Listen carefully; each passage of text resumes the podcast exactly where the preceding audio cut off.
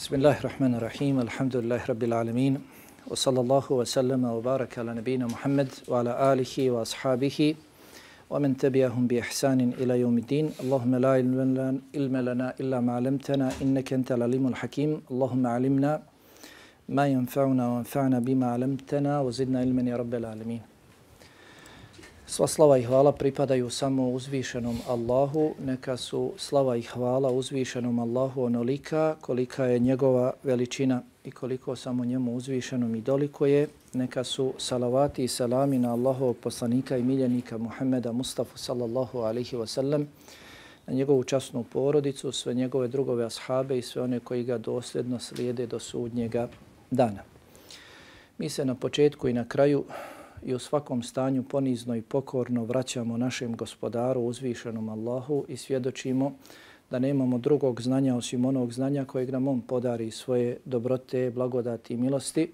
Pa ga molimo da nam tu svoju dobrotu, blagodati i milost prema nama poveća, da nam podari korisno znanje, znanje od kojeg ćemo se okoristiti i svoj život po njemu uskladiti i tako ga popraviti, a doista je uzvišeni Allah sveznajući, svemogući i mudri. A zatim mi se nalazimo na Dunjaluku, živimo na ovome svijetu. Kao vjernici vjerujemo da postoji drugi svijet, Ahiret. Ovaj svijet na kojem živimo je, kako kažu, kuća rada. Dok je drugi svijet u kojeg čvrsto vjerujemo, kuća nagrada. Ovaj svijet je prolazan. Makoliko čovjek da živio na njemu, propisana mu je smrt i završit će sa ovim svijetom, prije ili kasnije. Dočim drugi svijet u kojeg čvrsto vjerujemo i ubijeđeni smo je vječan i kako nagrada, tako i kazna na njemu je vječna. Stoga svako bi od nas, dakle mi koji čvrsto vjerujemo u drugi svijet, trebao iskoristiti ovaj svijet, dunjalučki. Odnosno, što je god moguće ljepše i više da radi na ovome svijetu dobra djela. Niko ne smije na ovome svijetu da bude zadovoljan svojim stanjem.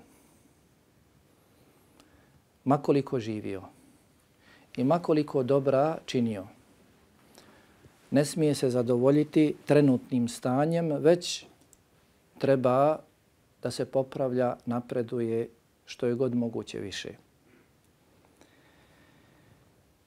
Definitivno, ono sa čim čovjek treba da ide naprijed – da mijenja svoje stanje. Ono bez čega zasigurno ne može kvalitetno promijeniti svoje stanje. Da dakle ide naprijed i da ustrajava u boljem u svojoj budućnosti bez Kur'ana. Čovjek ne može se popraviti, ne može se odgojiti, ne može ustrajavati u dobrim dijelima, u njima imati bereketa, bez odgoja Kur'anom. Nemojmo zaboraviti da uzvišeni Allah kad je htio da promijeni cijelo čovječanstvo, ne nas koliko je ovdje, dvadesetak, trideset, kad je htio da promijeni i da mijenja cijelo čovječanstvo, uradio je šta? Objavio je knjigu. Objavio je Kur'an. Prije Islama, prije poslanstva Muhammeda sallallahu alaihi wa sallam poznato nam je, neki su čitali, neki slušali, kako je bilo stanje. U kakvom stanju, halu do tada su živjeli ljudi. U kakvim tminama svega. Kad je uzvišeni Allah htio da se mijenja njihovo stanje, objavio je knjigu Kur'an. Tako isto ja i ti i svi drugi ne možemo se promijeniti na bolje, osim sa Kur'anom. Zato je objava otpočela sa prvim ajetima i prvim ajetom koji otpočinje sa ikra. Uči čitaj. Ne može se osoba preko noći tek tako promijeniti, da ustane i njegovo stanje se promijenilo na bolje, on odmah bolji. Ako se to ide si, dakle, ne ima u tome bereketa, neće brzo opstati na tome. Kao što je uzvišeni Allah promijenio čovječanstvo u dobroj mjeri, bar tadašnju generaciju. A kad čitamo o onima koji su prije bili nevijenci pa povjerovali, postali ashabi, najbolja generacija, vidimo dakle da je moguće i da je to doista tako, da ovo što pričam nisu samo tek tako izrečene riječi. Oni su se prihvatili Kur'ana čvrsto, odgajali se Kur'anom i postali su najbolja generacija, kako se kaže, nikada do kraja ovoga svijeta neće se pojaviti takva generacija. Ali su se odgajali Kur'anom. Učili su, kako se kaže, deset ajeta kod Allahovog poslanika, sallallahu alaihi wasallam, naučili bi ih na pamet, saznali bi njihovo značenje, saznali bi propise koji se nalaze u njima i ostalo odgajali se na takav način. Ne bi prelazili na sljedeće ajete dok u potpunosti ne bi izučili te ajete. I postali su takvi. Kada čitaš njihova dijela, pitaš se zar je moguće da čovjek u svome životu može da učini toliko dijela i da čini takva dijela. Jesu li to bili ljudi kao i mi? Jesu. I svako kaže od učenjaka koji se bavi tom tematikom, nije nemoguće činiti ono što su oni činili. Da pojedinac bude poput nekog pojedinca od njih, ali generacija općenito ne. Nikada se neće ponoviti. Ali da neko čini, jer su tabini, šta su rekli tabini, sljedeća generacija nakon ashaba, rekli su što se tiče dijela, potakmičit ćemo se s vama. I naći ćeš u biografiji pojedinih dakle tabina, generacije kasnije, da su činili brojnija dijela od ashaba. Ali ono zbog čega su oni bolji jesu, dakle zbog toga što su živjeli s poslanikom sallallahu alaihi wa sallam i pomogli ga u širenju poslanice onda kada je bilo najpotrebnije. Da se vrati. Dakle, svako ko želi na bolje da se mijenja i da u tome ustrajava, ne može bez Kur'ana. I mi to manje ili više znamo i prihvatamo. Pa počnemo zatim ubrzo posustanemo i odustanemo. Izgubimo volju. Zaboravimo da je naš spas i uspjeh u Kur'anu. Slabi nam volja. Zaborav nas često snalazi. Ono čime ćemo jačati svoju volju i čime ćemo daleko biti od zaborava ili manje zaboravljati na Kur'an jeste ljubav. Čovjek kada nešto voli, o njemu zasigurno stalno razmišlja. Stalno mu je na umu ako nešto ili nekoga posebno voli. Pa se svako od nas treba zapitati koliko doista voli Kur'an. Zašto nam je stanje, zašto nam je hal ovakav? Zašto mnogi od nas ne znaju još ni čitati Kur'an. Zatim, mnogi ne druže se ni sa prijevodom, značenjem Kur'ana, da barem čitaju značenje Kur'ana. Niko, i mi to sigurno priznajemo jedni drugima, nije zadovoljan svojim stanjem. I zna se desiti da postavljamo pitanja mnogima, tražimo savjete od mnogih, čak, čak ima neki idu i na seminare kako poboljšati svoj život, kako napredovati u ovom segmentu, onom segmentu, ali rijetko otvaramo Allahovu knjigu, izučavamo i proučavamo, nalazimo rješenja u njoj. Allah dželle vala kaže: "Ma farratna fil kitabi min shay." Mi u knjizi ništa nismo izostavili. Ono što vam je potrebno za uspjeh, spas, spas Nismo ništa izostavili, sve se nalazi u knjizi. Pa je dakle pitanje ljubavi, koliko doista mi Kur'an volimo. I nama je poznato na Dunjalku volimo roditelje, volimo svoju djecu, volimo suprugu, ona voli svoga muža. I imaju ti određeni pokazatelji koji doista ukazuju da me voli, da je volim, da ih volim, da oni mene vole, jel tako, imaju pokazatelje. Pa su učenjaci spominjali određene najbitnije pokazatelje, jedni i drugi učenjaci, svi to spominju. Ha. Pa kažu od pokazatelja je da nekoga voliš i da je tvoja tvrdnja da ga doista voliš, dakle, ukoliko si od njega odvojen, rastavljen, jedan određeni period, možda poduži period, da se raduješ neopisivom radošću pri susretu s njim. Bio si od svoje majke, od svoga babe, negdje na školovanju, rastavljen duži period, nisi živio s njima, pa iščekuješ ne samo dane, sahate, već možda i minute brojiš kada će let da sletiš i da se sastaneš sa svojima najdražim. Zatim, kada sretneš se s njima, nakon dugog rastanka, teško ti pada spomen da se možda opet trebaš rastaviti s njima, otići. Tu, taj podatak, tu informaciju, taj datum bacaš u zaborav, ne želiš da se ha, prisjećaš. Iako možda moraš se rastaviti od njih. Odnosno, teško ti ponovo pada rastanak s njima dok vrijeme provodiš s njima, ne pratiš koliko prolazi. Koliko god sjedio, s njima razgovarao, ne gledaš na sat koliko je prošlo vremena. Uživaš u druženju s njima. Svakako, sa svojom djecom, sa svojom suprugom, sa svojim roditeljima, sa onim koga posebno voliš. A? Imaš povjerenja u njih, pogotovo dakle u roditelje, stariji su, iskusniji, pogotovo ako su i oni učeni, Pa ono što te savjetuju prihvataš bez obzira. Dakle, možda ti je bilo teško aha, duši, ali rekao babo, rekla majka, pogotovo učeni, imaju iskustva, osjetili možda na svojoj koži, u svome životu prihvataš.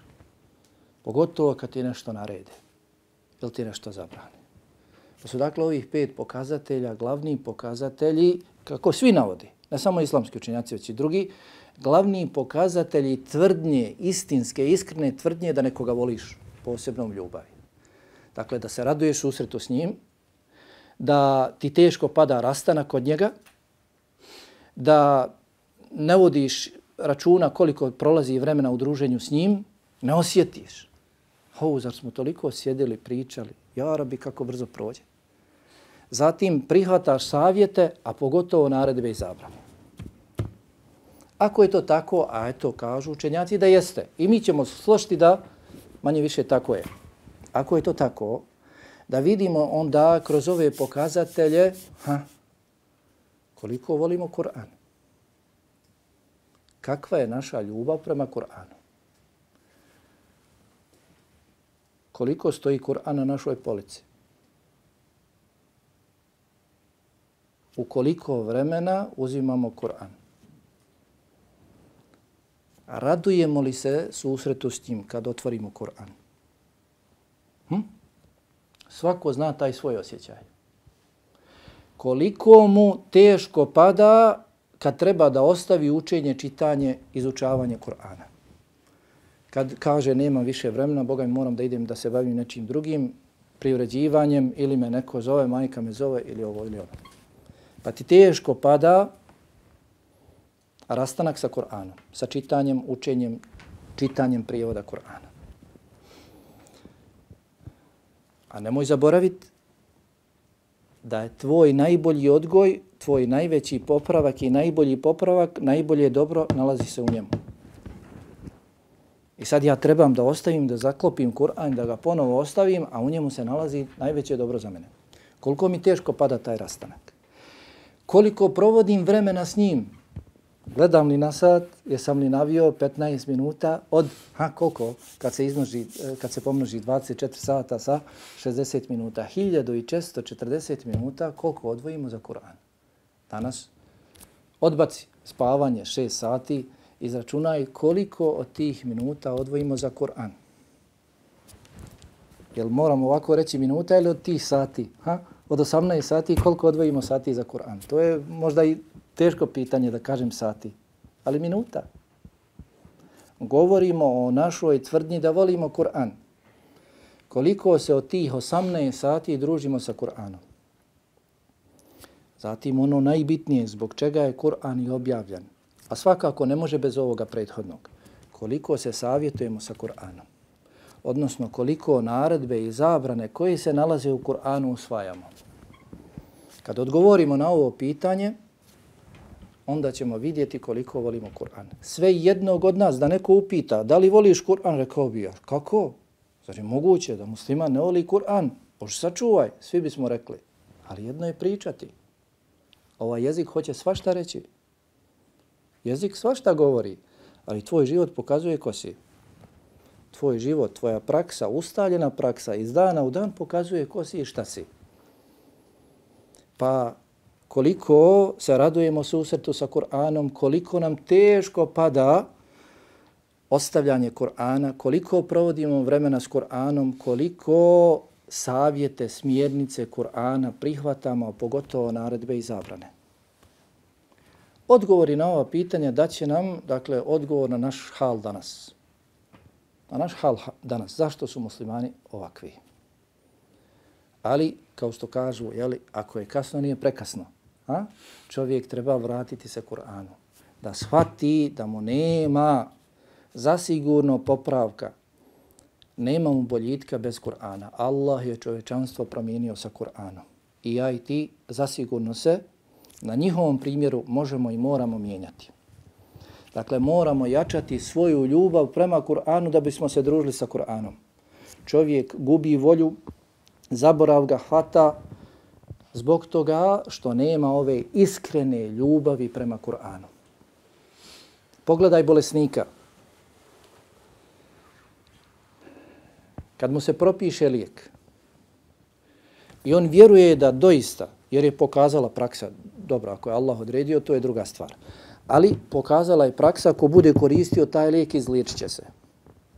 Bez obzira što on zna da taj lijek koristi, da je pomogao drugima i vjerovatno i njemu, on ako ne bude volio ostanak na ovome svijetu, on ako ne bude volio da živi još na ovome svijetu, on neće koristiti taj lijek. Definitivno. Ako bude volio da živi još, ako je shvatio vrijedno života, koliko je vrijedno živjeti ovdje, zasigurno će posegnuti za svim lijekovima samo da još više živi. Ali ako ne bude volio, ne bude osjećao ljubavi prema životu na ovom svijetu, zasigurno neće ni koristiti taj lijek koji je zasigurno lijek za njega kako je bio lijek i za druge. Isto tako, Kur'an je lijek za nas, kao što je bio lijek za druge. Ali ako ne budemo voljeli Kur'an, džaba što se lijek u njemu nalazi za nas. Nećemo se združiti sa, nećemo se družiti sa Kur'anom, nećemo ga učiti i izučavati. Pa dakle, na nama je da jačamo svoju ljubav. Kako? Na prvom mjestu, dakle, dovom. I to je nama poznato. Sve što nam je potrebno, sve što nam je potrebno, to se nalazi kod Allaha. I od Allaha tražimo dovom. Sve što nam je potrebno, nalazi se kod Allaha. I to od njega tražimo dovom, ponizno i skrušeno. Pa i ovo, potrebna nam je iskrena ljubav prema Kur'anu. Da bismo se duže, iskrenije družili s njim, učili ga, izučavali, proučavali, odgajali po njemu da bismo se popravljali, da bismo mijenjali svoje stanje na bolje s njim, potrebna nam je ljubav prema njemu, da ga zavolimo. Ako ga ne budeš volio džaba. Pa tražimo od Allaha subhanahu wa ta'ala da nam omili Kur'an, da nam omili druženje sa Kur'anom. I postoji jedna dova, posebna dova, za koju je poslanik sallallahu alihi wasallam rekao da će Allah primiti i da će ko bude tražio njome, a i u njoj se spominje šta se traži, Allah mu to i dati. Hm? Znate li o kakvoj je dovi riječ? O kojoj je dovi riječ? Govorimo o Kur'anu. E, to jest, dakle, zasigurno ajet sure Taha, 114. ajet, o kur rabbi zidni ilma, i reci gospodaru moj, povećaj mi znanje, Ali govorimo sada o Kur'anu. Ima jedna dova, posebna dova, u kojoj se spominje Kur'an. Ha? to je iz početka, brate, vili. Ha? Kad se dovi gospodaru, kad se upućuje dova, ne kaže gospodaru daj mi. Prvo mora da se ili pohvali Allah ili da se spomene svoj hal, svoje stanje, dakle ponizno, skrušeno, pa da onda gospodara, od gospodara zatražiš. Kad treba siroma od imućnog nešto, neće doći, daj, već će pokazat svojim stanjem da je siroma, da je potreban, inače mu neće niko dati. Pa je došlo, Allahumma inni abduk, wabnu abdik, wabnu emetik. Da kažeš, gospodaru moj, doista sam ja tvoj rob. Ha? Da priznaš da je on gospodar, a ti si rob. A rob je potreban gospodara. Allahumma inni abduk, wabnu abdik, wabnu emetik. Doista sam ja tvoj rob, sin tvoga roba, sin tvoje robinje. Ha? Kako dalje stoji? Ne zna niko na arapskom udovu. Ha? Nasijeti bijedik. Moja glava je u tvojoj ruci, odnosno moja kika je u tvojoj ruci, odnosno ima značenje ja se usmjeravam tamo gdje mi ti narediš. Madin fije hukmuk, adlun fije qada'uk. Nadamnom se sprovodi sprovode tvoji propisi i tvoja odredba prema meni je pravedna. Zatim kaže poslanik sallallahu alaihi sallam, kako bilježi imam Ahmed i drugi, Es'eluke bi kulli ismin huvelek. Molim te svakim tvojim imenom kojeg ti imaš pri sebi, kojim si ti sebe nazvao. Es'eluke bi kulli ismin huvelek. Semmejte bihi nefsek. Njime si nazvao sebe. Au allamtehu ahadan min khalqik. Ili si njime podučio nekoga od svojih stvorenja au anzaltahu fi kitabik ili si ga objavio u svojoj knjizi kao što je poznato u Kur'anu, sunnetu, brojna su Allaha lijepa imena i uzvišena svojstva. Au ista'tharta bihi fi ilmi l'gajbi indek. Ili si ga zadržao sebi, kod sebe, u gajbu, dakle poznato samo tebi. I ovo je dokaz ha, da mimo onih imena u Kur'anu i sunnetu, kod Allaha dželle postoji još imena poznata samo njemu. Zato se kaže da tačno određen broj Allahu i lijepih imena je poznat samo njemu. Dakle, kod nas je neodređen, mi ne znamo. Nakon ovoga svega, dakle, es'eluke, molim te svakim tvojim imenom i, i, i, na kraju dolazi dova en teđ'ale l'Qur'ane rabija kalbi. Da Kur'an učiniš, ha, kažu proljeće moga srca. Tako najčešće se prevodi. Ali kako ti to razumijevaš? en teđ'ale l'Qur'ane rabija kalbi. Jer u proljeće zemlja živne. Da učiniš Kur'an procvatom moga srca. Hm. Ili da Kur'anom napajaš moje srce. Hm. Da Kur'anom oživiš moje srce, kako reče jasno. Na to se misli. Ko hoće može bukvalno prevesti. En teđa'al al-Qur'ana rabija kalbi da Kur'an učiniš proljećem moga srca. Ko hoće bukvalno, ali se ne misli proljeće kao proljeće, nego da njime oživiš moje srce. Da moje srce živne, da procvjeta sa Kur'anom. Ni sa čim drugim. Ne može. Vanure sadri i da ga učiniš svjetlom mojih prsa. وَجَلَاءَ حُزْنِي وَدَهَابَ هَمِّي I da s njim otkloniš moju moju žalost koja se nalazi pri meni, moj žal i također moju, moju brigu.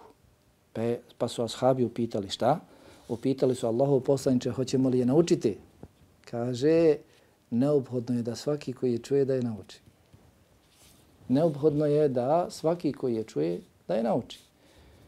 Allahu moj, doista sam ja tvoj rob, sin tvoga roba, sin tvoje robinje,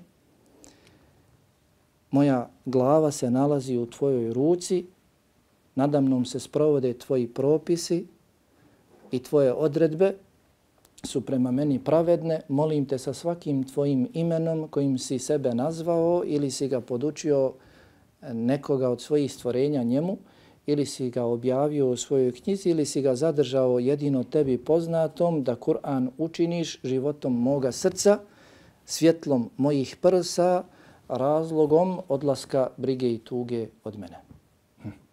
Pa na ovakav način da molimo Allaha subhanahu wa ta'ala, ko može na arapskom svakako, ali ko ne može na ovakav način često da upućuje dovu svome gospodaru, pogotovo dakle ako je upućuje u onim vremenima, situacijama kada se dova zasigurno prima, iako je rečeno, iako je rečeno dakle da se ova dova prima. Ukoliko čovjek uči je iskreno iz svoga srca, odnosno srce prati jezik. Kada izgovara svjestan je, svjestan je te dove iskreni u toj, u toj dovi.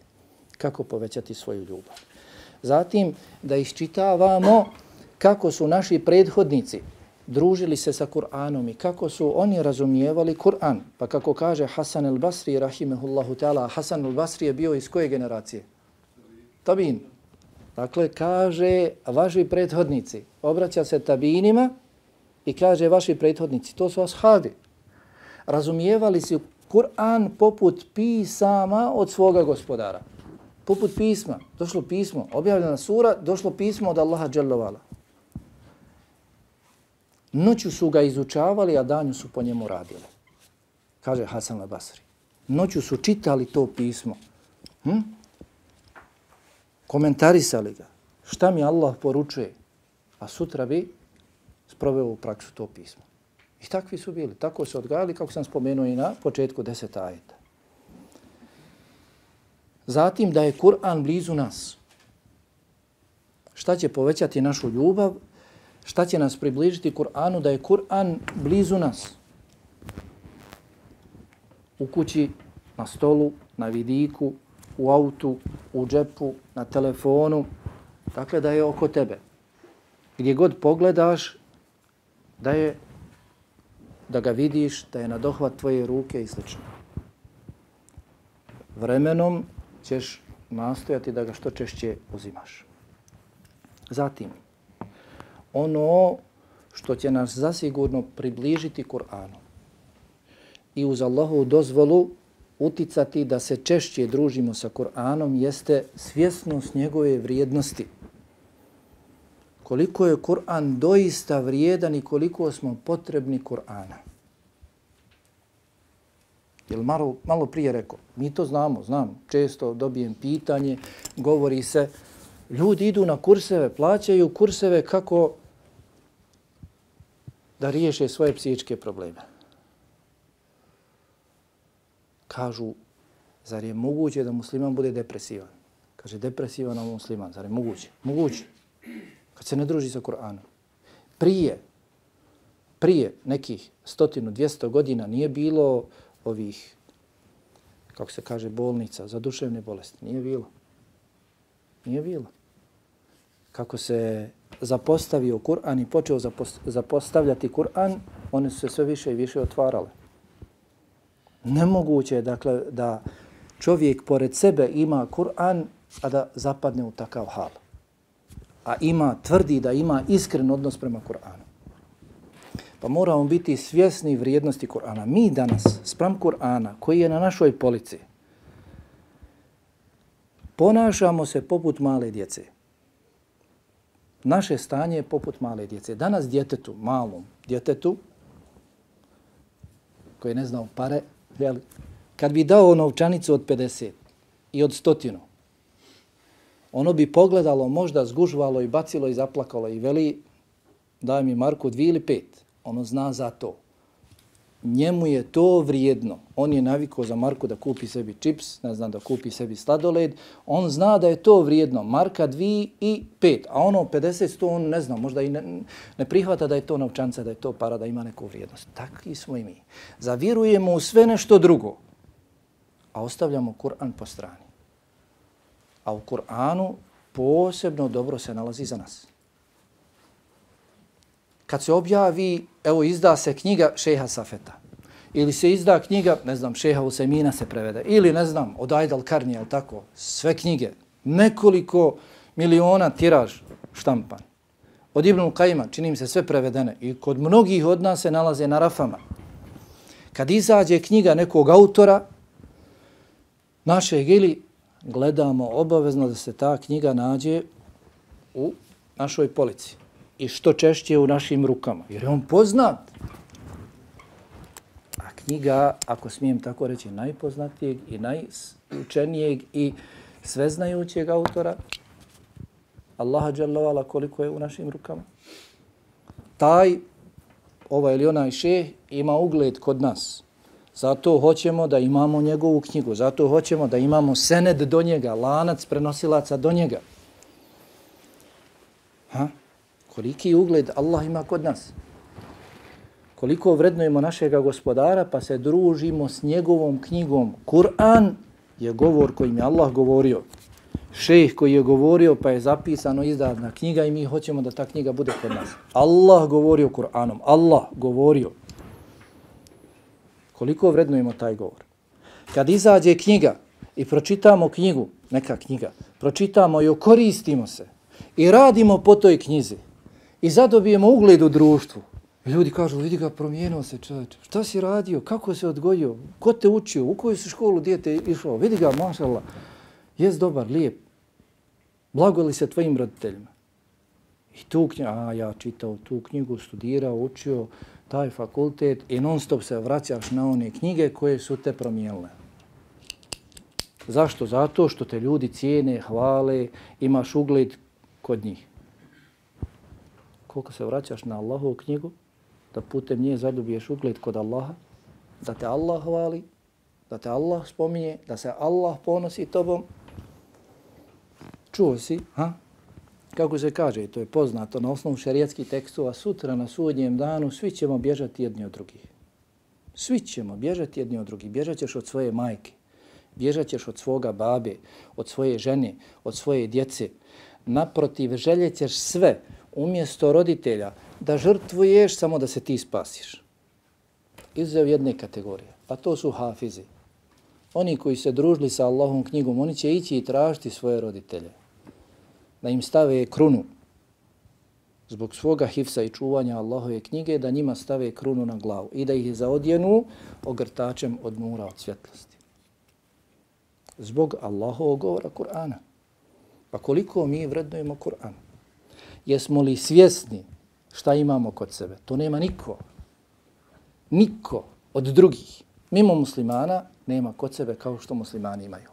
I dovoljno bi nam trebalo podstreka da bude da se što češće družimo sa Kur'anom upravo ta činjenica da je Kur'an Allahov govor. Da je to dio Allaha. Allah govori o time. Ova stvar ne može tek tako da prođe, da čuješ i Allah govori o njime iznad sedam nebesa.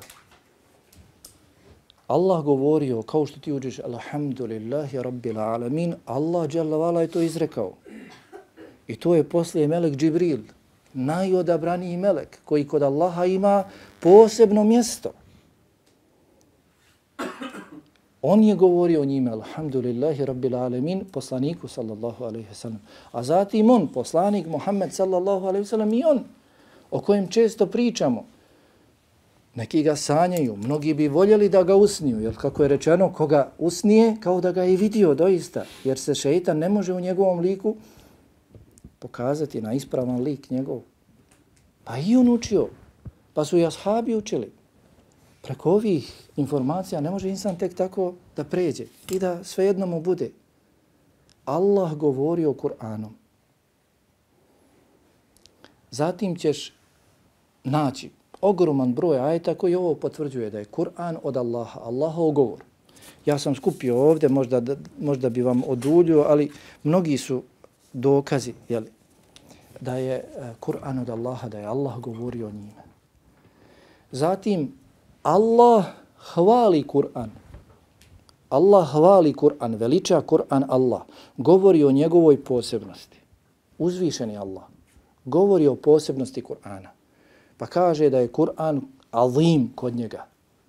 Poseban, uzvišen, veličanstven. Zatim sljedeća činjenica. Ha? Allah sebe hvali Kur'anom. Allah se hvali Kur'anom. Allah se hvali objavom Kur'ana. Allah sebe veliča objavom Kur'ana. Koliko se ja i ti hvalimo Kur'anom? Allah se hvali Kur'anom. Jesi, razumiješ li šta govorim? Allah sebe veliča. Mi što bismo rekli u našem, na našem nivou hvališemo se. Koliko se mi hvališemo, koliko nam je drago. Allahu je drago, Allah se hvali što je objavio Kur'an. A mi? Koliko se mi hvalimo time što imamo Kur'an kod sebe. Allah dželle vala kaže, ha? Prvi ajet sure Al-Kahf. Alhamdulillahi alladhi anzala al-kitaba ala 'abdihi wa lam yaj'al lahu iwaja. Sva hvala neka je hvaljen onaj koji je objavio knjigu svome robu. Allah se ovdje hvali, kaže Šešen Qiti u svome tefsiru Advaul Bejan, Allah odpočinje ovu suru dajući do znanja ljudima da se on hvali sa objavom Kur'ana kojeg je objavio svome poslaniku Muhammedu sallallahu alaihi sallam, da bi bio to postrek ljudima da se ljudi hvale Kur'anom, da se ljudi hvališu Kur'anom, da shvate vrijednost koju imaju kod sebe. Ha? Pa na sličan način, u prvom ajetu sure Furqan, El Furqan, uzvišeni Allah se veliča. Tebareke alladhi nazzala al-Furqana ala abdihi. Neka je uzvišen onaj koji je objavio Furkan, jedno od imena Furkan, Kur'ana je Furkan, koji razvaja istinu od neistine. Neka je uzvišen onaj koji je objavio Furkan, Kur'an, svome robu. Allah se veliča, Allah se uzvisuje. Ha. Pa kada se Allah hvali, kad se Allah veliča Kur'anom, koliko mi se hvalimo Kur'anom, kako mi da postignemo neku veličinu, da postignemo ponos, da postignemo snagu bez Kur'ana, nemoguće. Zatim kada pogledaš opis Meleka Džibrila koji je dostavio Kur'an, putem kojeg je Allah dželle dostavio Kur'an, poseban melek, poseban poslanik, Muhammed sallallahu alaihi ve sellem. Allah ga na nekoliko mjesta u Kur'anu meleka naziva ruhom. Pa se na jednom mjestu spominje ruhul kudus, na drugom mjestu se spominje ruhul emin, a često ruh samo. Čista duša, ruh je duša, poznato. Ili povjedljiva duša. Pa kažu komentatori, zašto se melek Džibril naziva ovim imenom ruh? Zato što je dolazio sa onim što je ruh za nas. Sa onim što je život za nas. Duša za nas. Ne možemo, kao što tijelo ne može živjeti bez duše, tako isto mi, sljedbenici ove vjere, ne možemo živjeti bez Kur'ana. Istinskim životom. Životom kojim je zagarantovan uspjeh. Spas. Ne može bez Kur'ana. Pa u suri Tekvir nalazimo također brojne odlike osobine Meleka Džibrila. Da je on plemenit, da je on kod Allaha subhanahu wa ta'ala pouzdan, da je on kod vlasnika Arša, zašto je rečeno ovde kod vlasnika Arša, kažu komentatori, zato što je Melek Džibril najbliži Aršu od svih Meleka. Niko nema tako visoko mjesto kod uzvišenog Allaha kao Melek Džibril. I on je snažan i njemu se pokoravaju svi drugi meleki. Kod Allaha je pouzdan, povjerljiv i kod Allaha je na posebnom mjestu i kod Allaha je ili ugledan, snažan, Dakle, sve to ukazuje da ono što je dostavio, dostavio je pouzdano. Snažan je, nikomu od šeitana nije mogao prići da bilo šta ubaci u Kur'an da bilo šta uzme od Kur'ana, da mu bilo šta dobaci da Melek Džibril pomiješa. Ne, on je pouzdan, povjerljiv. Kako je prihvatio od Allaha subhanahu wa ta'ala čuo gospodara da govori Kur'anom, tako je i on dostavio nikomu, dakle, ništa nije mogao od toga uzeti niti, niti dodati. I njemu se svi pokoravaju.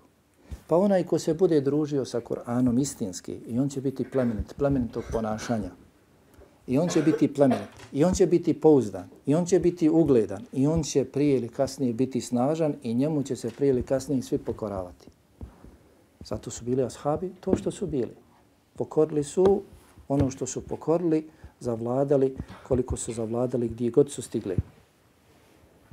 Ali su živjeli sa Kur'anom. Zatim kada pogledamo poslaniku Muhammedu sallallahu alaihi sallam, Kur'an je objavljen. Ko je bio poslanik?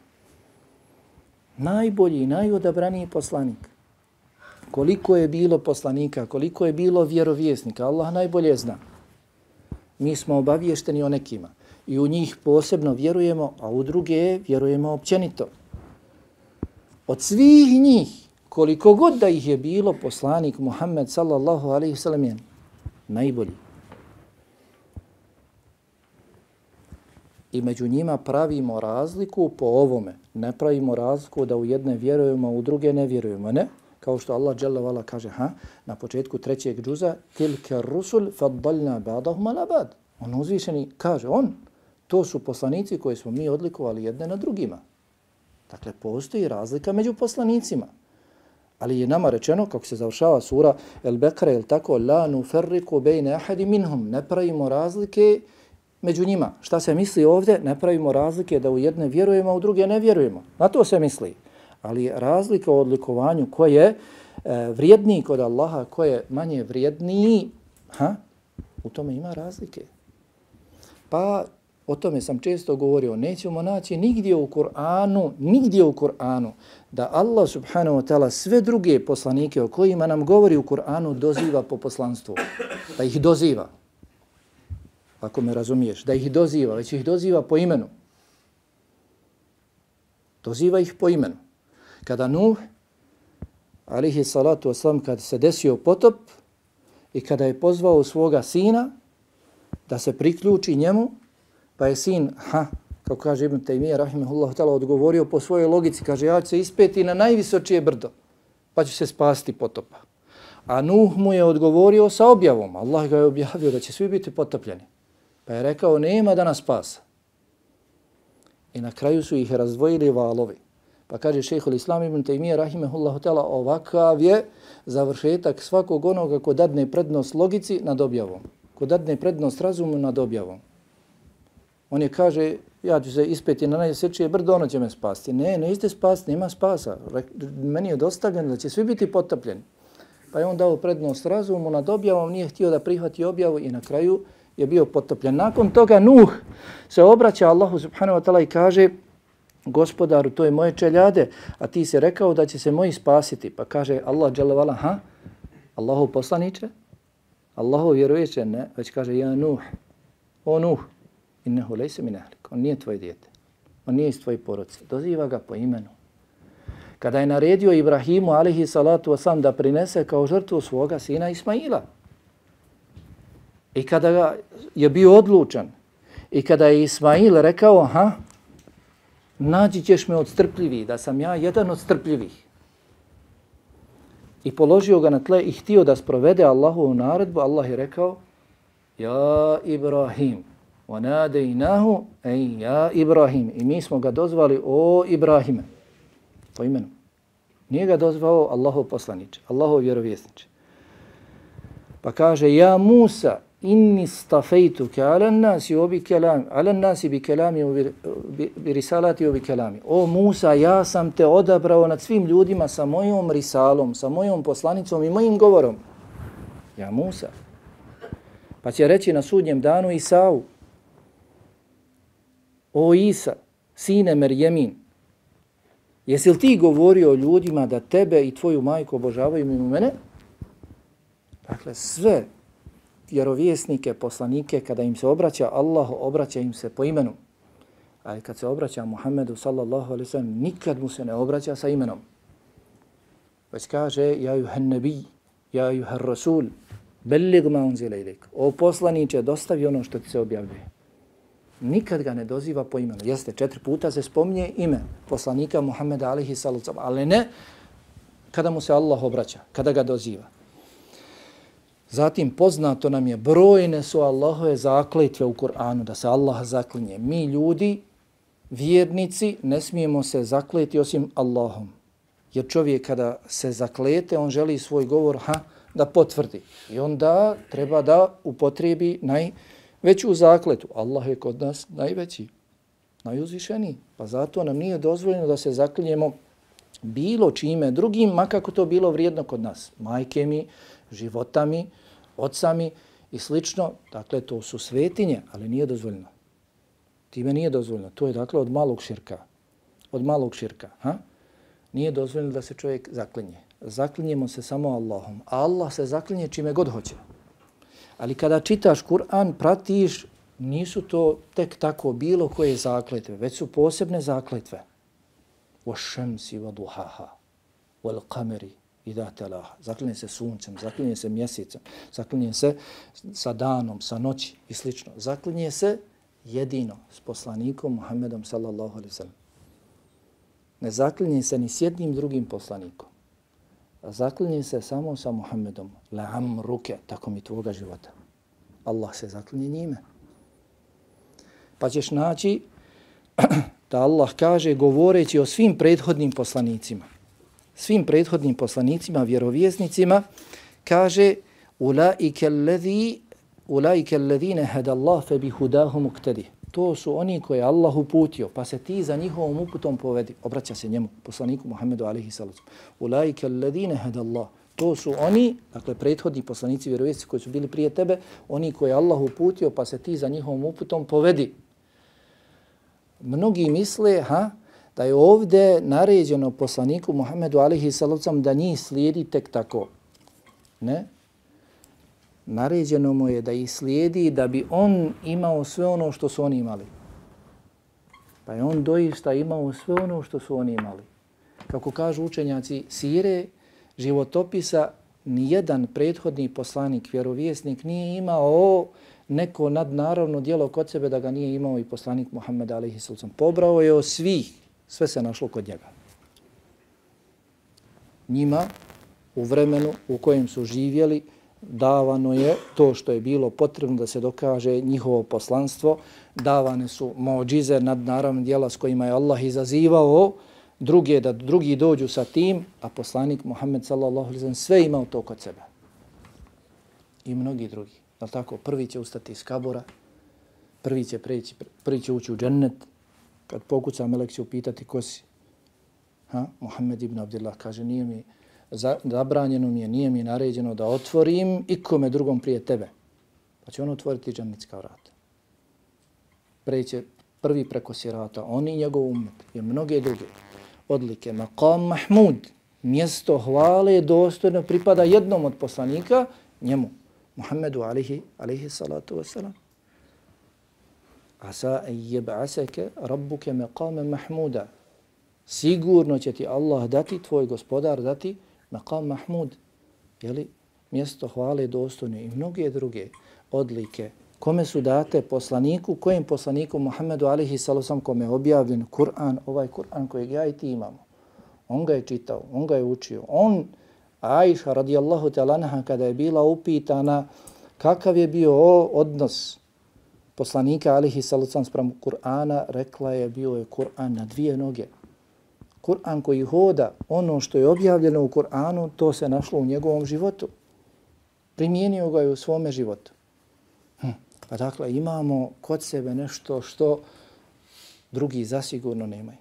Allahov govor, čist, bez imalo ikakve izmjene, Allah se obavezao da će ga čuvati. Kako kažu učenjaci, prethodne knjige su doživjele izmjene. Nešto je od njih uzeto, nešto dodato, promijenjeno, ha? izvrnute riječi, njihova značenja zato što je Allah dao na čuvanje ljudima. Zato što je Allah bio dao na čuvanje njima. A za Kur'an se Allah obavezao da će čuvati. Pa je rekao u suri, ha, El Hijr, inna nahnu nazzalne zikra wa inna lahu la hafidhun. Mi smo objavili ovaj Kur'an i mi ćemo nad njim djeti. I mi ćemo nad njim djeti. Zato do dan danas, a pogledaj koliko je prošlo godina, izračunaj nije ubačen jedan harf. Kaže se da su pokušali ubaciti u zadnjem ajetu sure Al-Feth, 29. ajetu, inače ajet koji u sebi sadrži, ne tako dug, trećina stranice, ali sadrži sve harfove ha, sve harfove, svih 28 ili 29 harfova. Odpočinje Muhammedun Rasulullah. Ubacili su samo nešto što je na jeziku svakog od nas kad čuje ime poslanika Muhammeda alaihi sallam. Ubacili su Muhammed sallallahu alaihi sallam Rasulullah. I učenjaci kad su došli do tog ajeta rekli su sve primjerke zapali. Sve primjerke zapali. Ubačeno. A oni su htjeli da ispitaju, da vide ako prođe ono što inače prolazi na jeziku, što ljudi govore, što možda kada čitaš u prijevodu ćeš reći Muhammed sallallahu sallam je, ha, Allahu poslanik, reci ćeš. Ali to nije Allah rekao. I naredili su da se sve to uništi. Pa dakle, imamo kod sebe takvu knjigu. I znajmo sigurno da nam nema napretka, da nam nema popravka, da nam nema boljitka osim sa Kur'anom. Allah je zagarantovao da će ga čuvati i Allah ga je učinio do sudnjega dana trajnim, važećim i rekao da u njemu zasigurno ima sve ono što je potrebno za nas.